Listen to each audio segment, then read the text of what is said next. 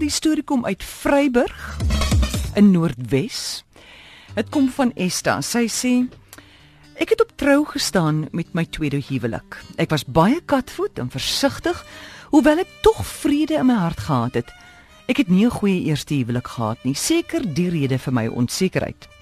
Nou ek wou self my trourok maak want dit was die jaar 2008. Onthou jy die jaar wat ons erge beerdkrag begin het? Ek besluit om liewer 'n rok te koop want ek was bang die beerdkrag krag maak dat ek nie betyds klaar gaan wees nie. Ek kry ook toe 'n pragtige rok en ek voel soos 'n feeprinses. Die kleur van die rok is 'n sagte mentgroen en die bo-stuk is met krale geborduur.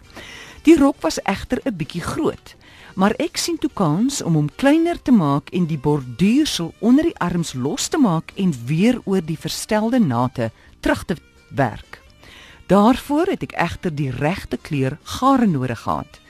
Nooit het ek besef dit gaan 'n groter soektog na die regte kleur gare wees as wat dit was om die regte rok te kry.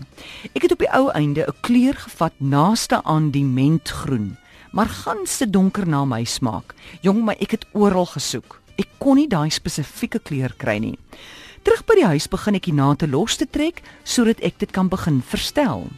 My aanstaande man het vir my solank sy oorlede vrou se naaimasjien uitgehaal waar dit vir 4 jaar in die kas gestaan het. Niemand het na haar dood nog op die masjien gewerk nie. My bibel meubels was nog nie oorgetrek na my nuwe plek nie, so ek het nie keuse gehad nie anders as om met haar masjien te werk. Hy bied aan om my te help om die masjien te bedraad en te wys hoe werk hy.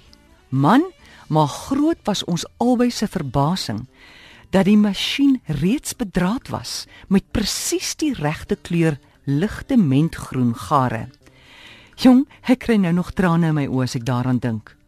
Dit was nie vir my toeval nie, maar 'n bevestiging dat ek die regte keuse vir 'n tweede huweliksmaat gemaak het.